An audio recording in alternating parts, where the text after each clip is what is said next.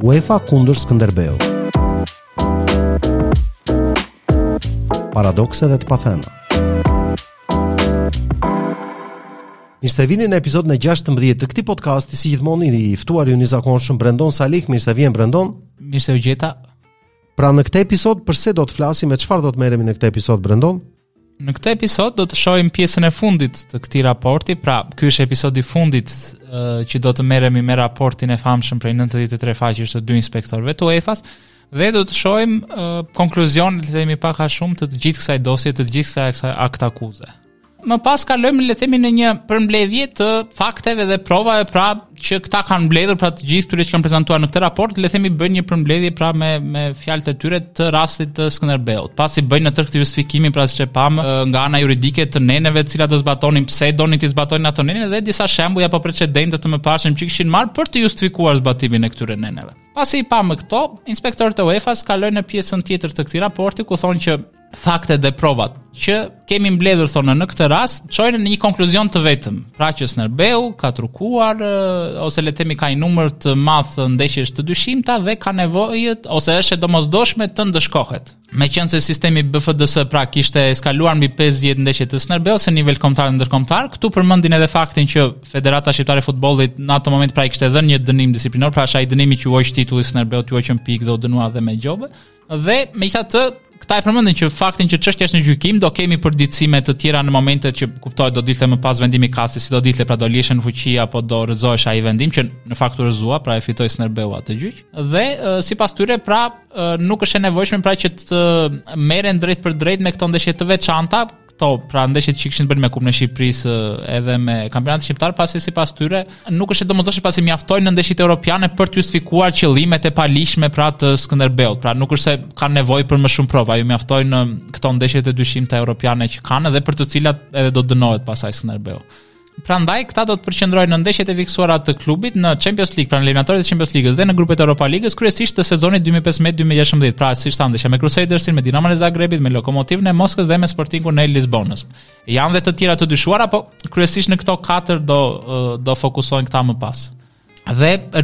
rikthejnë edhe një herë këtu në kujtesë atë paragrafin ku Kasi në vendimin e 2016-ës kishte konkluduar që meqenëse iu imponua ai sanksioni, domethënë i pezullimit njëvjeçar Skënderbeut,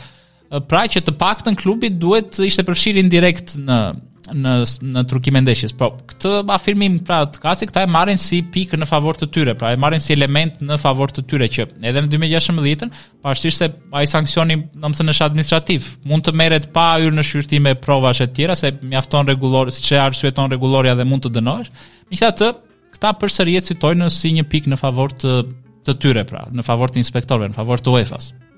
Dhe pika kyçe, madje siç e cilësojnë ose guri i themelit i kësaj çështje, është niveli i përfshirjes së Skënderbeut në aktivitete të tilla dhe përgjegjësitë disiplinore që do të derivojnë nga kjo shkelje. Bazuar thonë në faktet dhe provat që përmban kjo dosje, pra ky raport, që ne i pamë rast pas rasti episod pas episodi, sipas tyre nuk ka asnjë shpjegim tjetër të mundshëm, përveç atij që lojtarët, trajnerët dhe individët e tjerë të dyshimtë bashkë me zyrtarët e Skënderbeut kanë fiksuar në mënyrë sistematike ndeshjet gjatë viteve të fundit në kompeticionet e klubeve në Shqipëri, dhe në ato të UEFA-s dhe disa ndeshje miqësore. Ky konkluzion sipas tyre bazohet në fakte dhe prova të padiskutueshme, ndërkohë që ne i pamë sa të padiskutueshme ishin, që tregojnë thonë një komplot, pra një organizatë që është nisur me synimin për të fiksuar ndeshje, pra për të trukuar ndeshje dhe për të marrë përfitime të paligjshme pra nëpërmjet basteve. Të gjithë elementët thonë madje të një organizate kriminale janë prezente dhe të mirëdokumentuara. Dhe nuk ka asnjë dyshim që rasti Skënderbeu thonë është një rast tragjik. Pra siç e shohim edhe këtu kemi prezencën e elementëve, pra kur thonë rast tragjik, pra siç e pamë gjatë gjithë raportit ka ca elementë kështu letrarë, metaforikë e tjerë që mundohen ta ta fryjnë një çik rëndësinë e këtyre paragrafëve. Dhe më pas kalojnë në dy pyetje kyçe që inspektorët tentojnë të japin përgjigje le të themi dhe nëpërmjet të cilave do të propozonin më pas dënimin e Skënderbeut. E para, a mund të provohen aktivitetet e trukimit të ndeshjeve të Skënderbeut sipas rregullores së disiplinës së UEFA-s në standardin e comfortable satisfaction, pra të kënaqësisë së mjaftueshme? Pyetja e parë. Dhe pyetja e dytë që ngrejnë A mund të derivojë përgjegjësia e Skënderbeut, pra e klubit në këtë rast, nga aplikimi i principit të përgjegjësisë direkte. Pra është ai neni 8 që thamë, pra që edhe sikur klubi të mos ishte përgjegjës direkt, po do quhej indirekt. Dhe tashi u përgjigjen vetë këtyre dy pyetjeve që kanë ngritur. Në lidhje me pyetjen e parë, kuptohet raporti thonë në mënyrë të zgjeruar dhe në mënyrë ekspresive, pra e ka demonstruar pra në mënyrë të qartë që përgjigja është po. As diskutohet që do ishin po se s'do thoshin këta vetë për raportin e tyre s'do thoshin jo. Dhe kjo e kombinuar me faktorë dhe me elemente të tjera që janë shtruar në këtë rast, që kanë çuar në këto tre konkluzione dhe po i përmbledh shkurtimisht pasi janë elemente që i kemi parë gjatë prezantimit të këtij raporti. Së pari, standardi i provës pra që do zbatojnë në këtë rast sipas tyre është të vlerësuar dhe nga CAS-i në rastet e mëparshme dhe në rastin vetë të 2016 të Skënderbeut, pra comfortable satisfaction-i, dhe që të paktën klubi le të themi dyshohet se ishte përfshirë indirekt në aktivitete të trukimit indirekt pasi direkt nuk e provuan asnjëherë indirekt në aktivitete të trukimit të ndeshjeve vetëm po këtu nuk cilësojnë prova po vetëm falë numrit të madh të ndeshjeve të dyshuara pra të nxjerra nga sistemi BFDS jo në bazë të provave të tjera Dhe këtu këta citojnë edhe një herë atë tentativën që sipas tyre Skënderbeu kishte pranuar që kishin trukuar vetë lojtarët e vet, por që ne e sqaruam që ishte thjesht një analogji që avokati italian në 2016 tentoi të përdorë në rastin konkret për të shpëtuar Skënderbeun, jo për të dënuar Skënderbeun, pavarësisht se këta interpretuan pastaj sipas qejfit dhe interesit të tyre në këtë raportin e dy viteve më pas. Më pas thonë elementët kyç prezenca e individëve, lidhjet e forta me autoritetet publike, pra edhe domethënë pika e dytë që justifikon këtë përgjigjen po të tyre që Skënderbeu ka trukuar janë lidhjet me Zotin Bode, pra e Zotit Zeqo dhe e Zotit Takaj, pra me autoritetet publike, me njerëz të dyshimtë e të tjerë. Pra qoftë autoritete me influencë politike, qoftë edhe me mbështetje të fortë financiare. Dhe pika e tretë, pra perceptimi i përgjithshëm i publikut që Skënderbeu ka trukuar çon sipas tyre në konkluzione objektive dhe të arsyeshme. Pra, në vetëm në këtë fjali, po të qëndrojmë një sekondë vetëm në këtë fjali, domethënë, që nga fjala perceptim, domethënë jemi direkt subjektiv, domethënë në çdo lloj shkence po them se s'po them as sistemi juridik edhe jashtë sistemit juridik. Në çfarëdo lloj fushe, fjala perceptim është direkt një element që instinktivisht, domethënë edhe pa qenë ku di unë njeri i shkolluar me doktoraturë e tjerë të tjerë apo i specializuar në një fushë të caktuar, domethënë e kupton direkt që fjala perceptim është direkt subjektive. Domethënë si mund të qëndrojë në një fjali fjala perceptimi publik, domethënë perceptimi edhe i publikut dy, pra është fjala opinion popullor.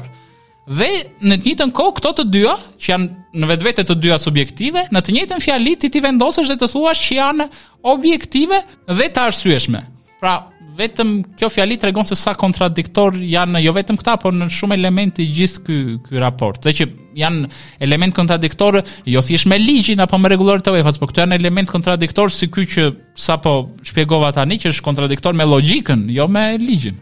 Edhe e kuptohet, ta shtjellojmë pra që këta lojtarët kundërshtarë, tifozët e vetë Skënderbeut, tifozët kundërshtarë e tjerë, mediat e tjerë, pra kishin këtë opinionin që e pamë neve në episodin e kaluar në lidhje me imazhin, le themi të keq të Skënderbeut që trukonte ndeshje e të tjera. Kurse në lidhje me pyetjen e dytë, pra a derivon përgjegjësia e Skënderbeut nga ai neni tetë i rregullores së disiplinës pra që do të përmbante përgjegjësi direkte e klubi, edhe këtu përgjigja është po natyrisht, patjetër, Dhe siç e shpjeguam edhe më herët në këtë episod, përgjegjësia e klubit do të shkaktohet nga sjellja e keqe le të themi ose sjellja e ndaluar e atyre personave që veprojnë nën umbrellën e klubit, pra përfshirë presidentin, trajnerët dhe lojtarët. Dhe meqenëse sipas tyre vetëm arbitrat ose lojtarët do të konsiderojnë përgjit që le themi janë aktorët më të mundshëm që mund të trukojnë një ndeshje në fushë, megjithëse arbitrat përfshirjen e tyre pra këta e mënjanojnë, siç e pamë në episodet e mëparshme të këtij podcasti, po pa bërë ndonjë hetim, domethënë dyshimet se arbitrat mund të kishin trukuar ose mund të kishin tentuar të trukonin ose mund të ishin përfshirë ose varet në çfarë niveli mund të ishin bashkëpunëtorë ose mund ta kishin bërë vetë. Në një nga ndeshjet e Skënderbeut këta nuk është se bënë ndonjë hetim mbi arbitrat, as për arbitrat shqiptarë, as për arbitrat e huaj në ato ndeshjet europiane të Skënderbeut, po thjesht u nisën nga parimi që raportet e BFDS-së shënjestronin Skënderbeun edhe merren me Skënderbeun dhe këta e përjashtonin kështu nga mendja e tyre domethënë përgjegjësi, në pa kryer një hetim. Nga ana tjetër, sipas tyre, meqenëse arbitrat pra i përjashtojnë nga përgjegjësia, lojtarët kishin të gjitha mjetet dhe të gjitha lidhjet, qoftë me zyrtarët e klubit, qoftë me individë të tjerë të dyshimtë të kompanive të basteve, pra si puna e zotit Vrenozi që akuzonin që kishte miqësi Facebooku e tjerë e tjerë me këta, apo miqësitë personale që akuzonin zotin Takaj që kishte me disa nga lojtarët. Pra, sipas tyre, i gjithë ky backgroundi, pra, kjo prapaskena e, e trukimit të ndeshjeve, pra, ekzistonte në rastin e lojtarëve, dhe meqenëse e gjithë kjo është provuar sipas tyre, dhe për pasojë, qoftë nëpërmjet individëve, qoftë nëpërmjet lojtarëve, sipas tyre, pra, Skënderbeu kishte kryer me sukses, ose kishte arritur të trukonte një numër të madh ndeshjesh dhe sipas tyre kushtet në rregulloren e disiplinës së UEFA-s përmbushen plotësisht. Duke pasur në mendje thonë të gjitha këto që le të themi shkruam ose që ne po i citojmë deri tani, atëherë përgjegjësia e klubit në përputhje me nenin 8 të, të rregullores së disiplinës së UEFA-s sipas tyre pra është përgjegjësia e përgjegjësisë direkte pra që duhet aktivizuar. Ky neni 8 pra duhet përdorur në rastin e Skënderbeut. Po mirë si e justifikojnë inspektorët propozimin për dënimin të themi ekstrem të Skënderbeut me 10 vite. Pasi e vendosin, pra, e vendosin, po themi që e vendosin këta me raportin e tyre, pra me mendjen dhe me logjikën që kanë ndjekur deri tani. Që Skënderbeu do të quhet, pra do të cilësohet përgjegjës për trukimin e ndeshjeve në nivel kombëtar dhe ndërkombëtar, është e nevojshme të përcaktohet sanksioni që do i aplikohet. Normal, qoftë se ti e konsideron fajtor, atëherë duhet të shohim cili është sanksioni që do t'i aplikohet. Dhe fillimisht këta i kthehen nenit 6.1 të rregullores së disiplinës që përcakton listën e sanksioneve disiplinore që mund t'ju imponohen klubeve. Mirëpo ky është një nen, njësoj si ky neni 8 që është një nen i përgjithshëm, nuk i referohet vetëm aktivitetit të trukimeve të ndeshjeve. Dhe në ky neni 6 i rregullores së disiplinës së UEFA-s, janë në tetëmbëdhjetë masa disiplinore që parashikohen në rastet kur klubet, po jo vetëm, po në këtë rast klubet kryejnë shkelje të natyrave të ndryshme dhe fillojnë që nga paralajmërimi, qortimi, gjoba, dëbimi, domethënë ndalimi i shitjes së biletave, humbja e ndeshjes në tavolinë e të tjera, pra vazhdojnë një sërë masash, për shembull, mbyllja e merkatos, ndalimi i regjistrimit të lojtarëve e të tjerë. Dhe këta shkojnë në direkt në pika o, që thotë skualifikim nga kompeticionet në progres pra kompeticionet në zhvillim ose përjashtim nga kompeticione të ardhshme. Po kjo është një nen i përgjithshëm që për shembull zbatohet edhe në raste të tjera disiplinore, jo thjesht në rastin e trukimit të ndeshjeve. Pra, këta nuk është se kanë Domethënë përveç këtij nenit 4 që parashikonte këtë procedurë me dy faza, në aspektin e sanksioneve, këta i kanë lënë vetes fushë të lirë, pra nuk kanë një sanksion të përcaktuar as le të themi në teori për çfarëdolloj numri ndeshjesh të dyshuara apo çfarëdolloj shkelje në fushën e trukimit të ndeshjeve, qoftë për individët, qoftë për klubet, po e lënë në dorë të tyre, e lënë në mënyrë subjektive sanksionin dhe sqarojnë si më poshtë që sipas ne 17.1 e rregullores së disiplinës, trupa disiplinore kompetente, pra në këtë rast komisionet e disiplinës të UEFA-s dhe i apelit, mund të vendosin llojin dhe kohëzgjatjen e masave disiplinore që do t'i imponohen, pra që do t'i jepen klubeve në përputhje me elementet subjektive dhe objektive të shkeljes. Pra, futin dhe elementet subjektive të shkeljes. Duke marrë parasysh kuptohet rrethanat rënduese të tjera të rastit në fjalë, po kuptohet rast për rasti. Pra, ky është një paragraf që thjesht i jep mundësinë trupave gjykuese të UEFA-s, pra komisioneve të saj të vendosin vetë sa do dënojnë dhe për sa kohë, ose ose çfarë dënimi do do japin. Por nuk është se vën as limite as përcaktime më të sakta. Dhe siç e pranojnë edhe këta vetë, që rregullorja e disiplinës nuk ofron një guidë le të themi ose nuk ofron një përmbajtje le të themi se si duhet të aplikohen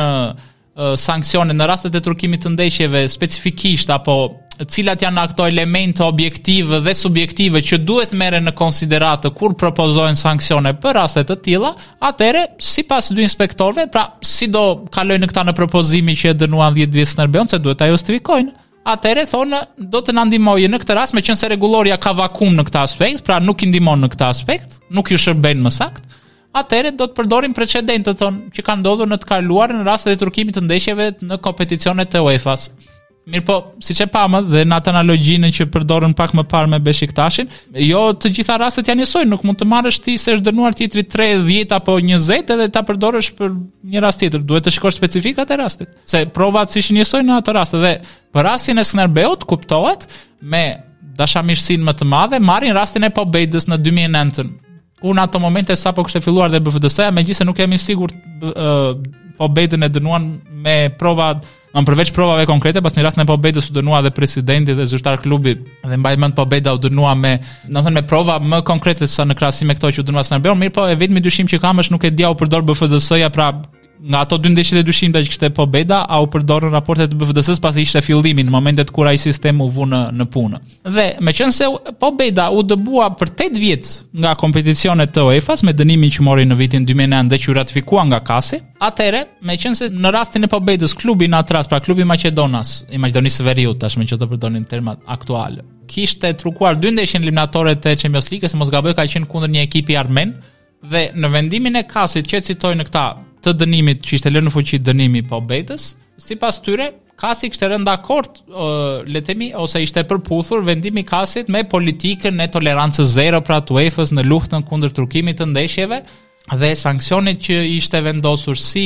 individëve ashtu dhe klubit le të themi ishte proporcional pra kasi në atë moment e kishte quajtur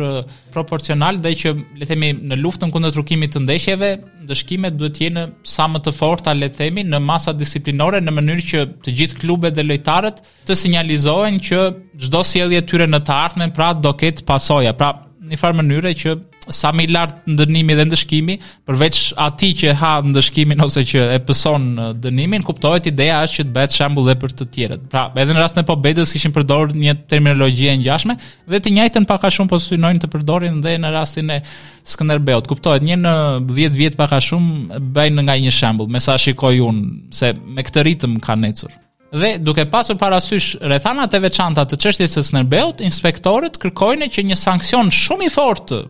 të vendoset ndaj klubit. Pra, kjo çështje kërkon një sanksion shumë të fortë, do të thonë as të very strong përdorin termat në anglisht. Dhe është e qartë sipas tyre që rasti i Skënderbeut është shumë më keq se sa precedenti i mëparshëm i UEFA-s, pra precedenti më i madh që kishte UEFA deri në atë moment që ishte Pobeda, pra që ishte dënuar me 8 vjet. Sipas tyre, Skënderbeu kishte ose trukuar ose tentuar të trukojë, pra edhe vetë ta dënojnë dënim maksimal, po këta s'janë as vetë të sigurt ka ka trukuar apo ka tentuar të trukojë se tani po kërkon dënim maksimal duke mos qenë i sigurt për gjënë më thelbësore për të cilën po e dënon tjetrin. dhe ka trukuar sipas tyre pra këto katër ndeshje të Europa Ligës dhe Champions Ligës në sezonin 2015-16 me dëme thonë për reputacionin botëror të UEFA-s. Pra, këta e akuzojnë Skënderbeun që ka dëmtuar reputacionin botëror të UEFA-s dhe kompeticioneve të saj. Tani, unë nuk besoj se ndeshjet e Skënderbeut në kompeticionet e UEFA-s ishin kaq të ndjekura sa tërë bota, domethënë e sulmoi UEFA-n që ke këtë klub që ke futur në kompeticionet tënde që po lë nam, megjithatë, Çuditem me tërë këtë rëndësi që i japin Skënderbeut në akuzat e tyre si s'e kanë paditur klubin edhe për ndonjë dëmshpërblim imazhi. Dhe sipas tyre, Skënderbeu kishte përdorur një skemë të mirëorganizuar të nivelit të lartë për të marrë përfitime nga bastet, qoftë për veten, qoftë për palë të treta, duke mos respektuar qoftë kompeticionet ku po merrte pjesë, qoftë kundërshtarët e tij. Pra, këto elemente i përdorin për të theksuar diferencën midis Skënderbeut dhe Pobedës, pra, pse është më i rëndë rasti i Skënderbeut në krahasim me Pobedën. Dhe për arsyet që sapo përmendëm pra deri tani, kërkohet që Skënderbeu të përjashtohet nga kompeticionet e klubave të UEFA-s për të paktën 10 vjet. Pra, e thonë të paktën 10 vjet. Pra, nuk është se ishte maksimalja 10, domethënë e kërkojnë 10-ën këta nga mendja e tyre duke u nisur nga sanksioni i Pobedës, po thonë të paktën, kështu që mund ta kishin vënë sanksionin edhe më shumë se 10 vjet po të donin. Dhe këtu po bëj një parantezë. Në raport thuhet 10 vjet, se është ajo debati që është hasur këto vitet e fundit, pra ishte dënimi i klubit me kualifikime apo me me vite kalendarike. Në momentin e raportit është me 10 vjet. Do ta shohim më pas në gjyqin e UEFA-s, ata e kthejnë me kualifikime dhe pastaj nisin tërë këto iderat pasi problemi i madh i kualifikimeve ishte se ajo gati konsiderohej dënim me vdekje, pasi duhet të kualifikoheshe 10 herë që të shlyheshe ai dënim, gjë që ishte një çmenduri. Ëh, Megjithatë, në momentin e raportit, inspektorët kërkojnë të paktën 10 vjet dhe thonë vjet, nuk thonë domethënë as kualifikime as gjë tjetër. Dhe përtej kësaj, kërkohet gjithashtu që Skënderbeu të gjobitet me 1 milion euro si një penalitet financiar që nuk mund të konsiderohet i shproporcionuar pra nga ana e inspektorëve, pasi vetëm duke parë faktet thonë dhe të ardhurat që ka marrë Skënderbeu nga pjesëmarrja e tij në kompeticionet e UEFA-s, përfshirë dhe ato në të cilat klubi ka qenë i përfshirë në trukime ndeshjesh, pra kryesisht sezoni 2015-2016, Sipas tyre pra gjoba është e mjaftueshme dhe është e pagueshme nga klubi, pra nuk është një sanksion i i tejkaluar përtej mundësive të të klubit. Pra në përfundim, cilat janë konkluzionet përfundimtare të raportit të inspektorëve? Dhe një pyetje tjetër, cilët janë personat që do të thërresin ata për të dëshmuar në seancën në gjyq kur të bëhet gjyqi? Sipas inspektorëve, kjo çështje ose ky raport më saktë është pasojë Fillimisht e rastit të parë, pra kur Skënderbeu u deklarua i papërshtatshëm, pra u pezullua një vit nga kompeticionet e UEFA-s, fillimisht nga komisionet e UEFA-s në rast komisioni i apelit dhe më pas nga KAS-i dhe sipas tyre siç u cilësua dhe nga paneli i KAS-it në 2016 pra klubi të paktën ishte përfshirë ose konsiderohej se ishte përfshirë indirekt në aktivitete të trukimit të ndeshjeve dhe provat e paraqitura në rastin e parë për masën administrative linin hapësirë sipas tyre për sanksione shtesë disiplinore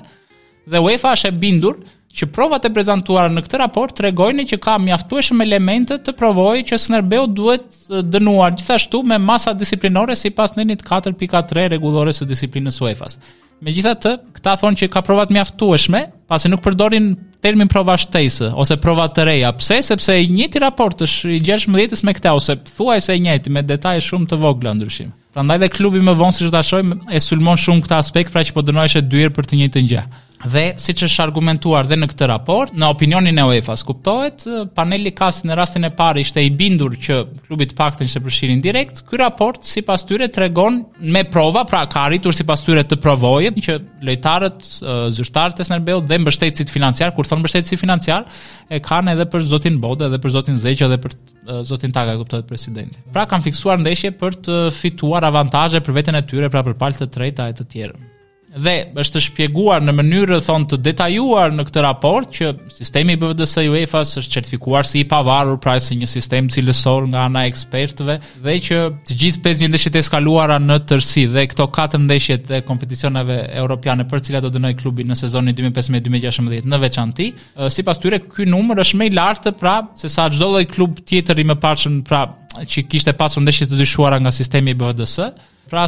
UEFA thonë nuk ka pasur asnjë eksperiencë tjetër të mëparshme me një numër kaq të lartë ndeshjesh të eskaluara nga një klub i vetëm. Pra, sipas tyre, Skënderbeu ishte rekord në thonjza europian. Megjithëse, siç e thamë vetë, kur paraqisnin shifrat e BFDS-së, thoshin që 99% qe e pastër e 1% qe i dyshimtë nga ndeshjet që raportonte BFDS-ja. Dhe tash në ky 1% që domethënë neve ishim rekordi europian. Tash edhe këtu një kontradiktë, megjithatë nuk është shumë di për këtë raport. Dhe së bashku me opinionet e ekspertëve, pra besueshmëria e BFDS është ishte konfirmuar, përmendin dhe atë eksperimentin që bënë me atë kompaninë britanike pra Starlizard që ne e pamë në më de, më në detaj në episodet e mëparshme të këtij podcasti, pra me ato 10 ndeshjet që i dërguan të anonimizuara pra të fshehur duke fshehur të dhënat dhe konkluzionet e atij eksperimenti dolën të njëjta me BFDS-në pra që sipas tyre, domethënë vetë zgjodhën ekspertin, vetë zgjodhën eksperimentin Dhe në fund konkluzioni doli siç donin dhe ata vetë, pra, por nuk është vetëm numri i ndeshjeve të eskaluara, që ka bindur UEFA-n pra që Skënderbeu ka fiksuar një numër të madh ndeshjesh. Pra, në një farë mënyre UEFA, siç e shohim, pas pasi e pamë që prova konkrete s'kishin, thjesht nga numri duke u nisur nga numri i madh i ndeshjeve të dyshuara, këta krijojnë bindjen që Skënderbeu ka ka trukuar. Po jo s'e kanë provuar, pasi vetë e pamë që thoshin ka tentuar të trukojë ose ka trukuar, as vetë s'e provojnë ose s'ishin të qartë. Dhe këtu i theksojnë dhe njëherë pra këto opinionin e klubit në kompanitë e basteve në lojtarët kundërshtarë si ai portieri i Crusadersit e të tjerë, lojtarët e kundërshtarët e Skënderbeut, tifozët kundërshtarë dhe vetë tifozët e Skënderbeut, Pra sipas tyre të gjithët synojnë në një drejtim që Skënderbeu ka trukuar dhe që futbolit. Pra kur bëhet fjalë për perceptimin dhe opinionin, e thonë që është i qartë perceptimi dhe opinioni që Skënderbeu ka trukuar. Kur bëhet fjalë për përgjegjësinë ligjore për ta dënuar Skënderbeun, s'e thonë që ka trukuar, thonë o ka trukuar ose ka tentuar të trukojë. Dhe nga pikëpamja ligjore, sjellja e lojtarëve pra e trajnerëve zyrtarëve të klubit duke i zbatuar këtë nenin tetë pra që e pamë që s'ishte për trukimet e ndeshjeve është për shkeljet e natyrave të ndryshme të klubeve përfshirë dhe hedhjet e sendeve të tifozëve në fushë duke e aplikuar në rastin e trukimit të ndeshjeve atëherë kuptohet duke zbatuar këtë nen klubi të paktën indirekt do të mbajë përgjegjësi për sjelljet e lojtarëve apo zyrtarëve të tij dhe do ndëshkohet me një sanksion disiplinor shembullor e cilësojnë dhe UEFA mendon që një sanksion i tillë disiplinor nuk duhet dhe nuk mundet të jetë më pak sesa 10 vjet përjashtim për Skënderbeun nga gjithë kompeticionet e UEFA-s. Pasi Champions Liga dhe Europa Liga janë dy nga kompeticionet më të rëndësishme të futbollit në botë, për të mos thënë dy më të rëndësishmet, Dhe këto kompeticione përveçse janë një sukses tregtar, pra një sukses komercial, pra një sukses biznesi, pasi futbolli kuptohet edhe për UEFA-n është kryesisht biznes, pasi është para e madhe që qarkullon ato kompeticione. Sipas inspektorëve këto janë dhe dy kompeticione që inspirojnë fëmijët në mbarë botën që të dashurohen me futbollin, pra që të luajnë futboll dhe që të apasionohen pra me këtë sport të bukur dhe është opinioni i fortë dhe i palëkundur i UEFA-s që trupat disiplinore të UEFA-s nuk mund të lejojnë që klube si Skënderbeu të vënë në rrezik të gjithë le të themi arritjet pozitive që gjenerohen nga këto dy kompeticione. Pra, arrijnë deri aty sa ta cilësojnë Skënderbeun rrezik për futbollin evropian, për imazhin e Champions Ligës apo të Europa Ligës në sytë e fëmijëve. Po me këtë dënim kështu gjysmagjel që i dhanë këta Skënderbeut, s'pyetën për fëmijët e moshave të Skënderbeut, të Korçës apo të Shqipërisë se nuk po shkoj më gjerë nëpër vende të tjera ku ka korçarë në diasporë dhe që uh, mund të kenë jetuar apo me ëndrra apo me dëshirë apo me pasionin për Skënderbeun. Për ëndrrat e këtyre fëmijëve për sportin dhe për Skënderbeun, jo, nuk pyesin, u interesojnë këta të kompeticioneve të tyre, kuptohet. Dhe kjo është arsyeja pse UEFA kërkon që të dërgojë një mesazh të fortë nëpërmjet trupave të saj disiplinore, të gjithë personave thonë që kanë qëllimin ose që po merren aktualisht me trukimin e ndeshjeve të futbollit për përfitimet e tyre të paligjshme personale. Pra në një farë mënyrë Skënderbeun po tentojnë ta përdorin si gogol, si kokë turku që t'ju japin mesazh të tjerëve, shikoni kujdes se ne mund t'ju dënojmë apo mund t'ju ndëshkojmë. Dhe sipas tyre provat janë të qarta, sjellja e Skënderbeut është qartësisht e dukshme për të gjithë opinionin që mund ta shikojë dhe klubi ka trukuar sipas tyre ndeshje futboli si asnjë he, asnjë tjetër më parë në historinë e lojës. Pra, në njëfarë mënyre, thonë që Skënderbeu ka trukuar si askush tjetër në histori. dhe UEFA beson që ka mjaftueshëm prova që trupa disiplinore të saj të ndihen kënaqësisht të mjaftueshëm, pra duke zbatuar atë standardin e famshëm comfort comfortable satisfaction, që ta deklarojnë në Skënderbeun fajtor për trukime ndeshjesh dhe shkelje të tilla apo ofensa, pra ofendime të tilla, shkelje të kësaj natyre nuk do të tolerohen nga UEFA. Dhe që t'i përgjigjem pyetjes në lidhje me dëshmitarët apo personat që do të thirren më pas në gjyqin që do të fillojë në komisionet e UEFA-s, dy inspektorët paraqesin shkurtimisht personat që ata kanë vendosur të thërrasin në këto seanca që do të jenë kryesisht shumica janë të njohur le të themi që kanë qenë dhe në seancat e vitit 2016, pra zoti Tom Mace, drejtor i sigurisë globale në Sportradar, profesori David Forrest, profesor i ekonomisë në Universitetin e Liverpoolit, pra një nga dy autorët e atij studimi të 2015-s për uh, BFDS-në, trajnerët uh, Michael Appleton, Jacques Crevoisier dhe dhe ose Hans Leitert, pasi siç e pamë në raporti i trajnerëve mbi lojtarë, këta dy trajnerët e parë ishin, po i treti nuk figuronte konkluzione dhe me sa duket më pas ishte tërhequr. Pra këta ishin ekspertët që UEFA kishte vendosur uh, si panel vlerësues të performancës së lojtarëve të Skënderbeut dhe uh, dy të fundit janë zoti Affy Sheikh, që është kreu i sigurisë globale dhe integritetit i Starlizardit, pra i asaj kompanisë britanike që bëri UEFA këtë eksperimentin për të rivërtetuar edhe një herë saktësinë e BFDS-së dhe Zoti Ardian Takaj, pra presidenti i Skënderbeut. Pra këta janë personat që thirren ose do të thirren si dëshmitarë apo si ekspertë në seancë nga ana e UEFA-s. Dhe në fund, dy inspektorët bazuar në të gjitha këto sa thamë, pra në faqen e fundit kërkojnë që çështja t'i referohet trupit të apelit të UEFA-s sipas neneve 34 të statutit të pika 3 statutit të UEFA-s dhe 29 pika 3 rregullores së disiplinës. Pra, në njëfarë mënyre këta donin të përsërisnin të njëjtën procedurë si në 2016, në të kalonte direkt çështja në apel, megjithëse siç do ta shohim në gjyqin e UEFA-s, çështja do të kalojë nga shkalla e parë, pra nga Komisioni i Etikës dhe Disiplinës, pasi megjithëse në këto momente ndoshta këta inspektorët nga euforia kanë menduar ta kalojnë direkt aty, jam i bindur që ka ekspertë në UEFA që kanë menduar që kjo mund t'ju rrezikonte humbjen e çështjes më vonë për shkelje procedurale pra për heqje mundësie ose heqje të drejte dhe prandaj kanë vendosur që jo, do ta bëjmë siç duhet pra procedurën që në mënyrë që klubi të mos kishte asnjë mundësi që të sulmonte nga ana proceduriale. Dhe kuptohet, kërkojnë edhe një herë në fund, pra në momentin ku thonë Nion data 7 shkurt 2018 janë dhe firmat përkatëse pra të Miguel Lietard Fernandez Palacios, pra avokati spanjoll ose prokurori le të themi nëse ta vëmë në thonjëza nëse do ta quajmë si raport uh, aktakuzë këtë raport të UEFA-s dhe eksperti i basteve pra uh, belgu Karl Dhont. Pra këta ishin dy inspektorë të UEFA-s dhe sanksionet pra 1 milion euro gjobë dhe përjashtimi 10 vjeçar i Skënderbeut nga kompeticionet e klubeve të UEFA-s dhe më pas vazhdon lista me citimet dhe me anekset që janë përdorur në këtë raport për të përmbyllur në total raportin e famshëm pra prej 93 faqesh me të cilin uh, u akuzua dhe që është baza mbi të cilën më pas do të vijojnë dhe gjyqet ndaj Skënderbeut.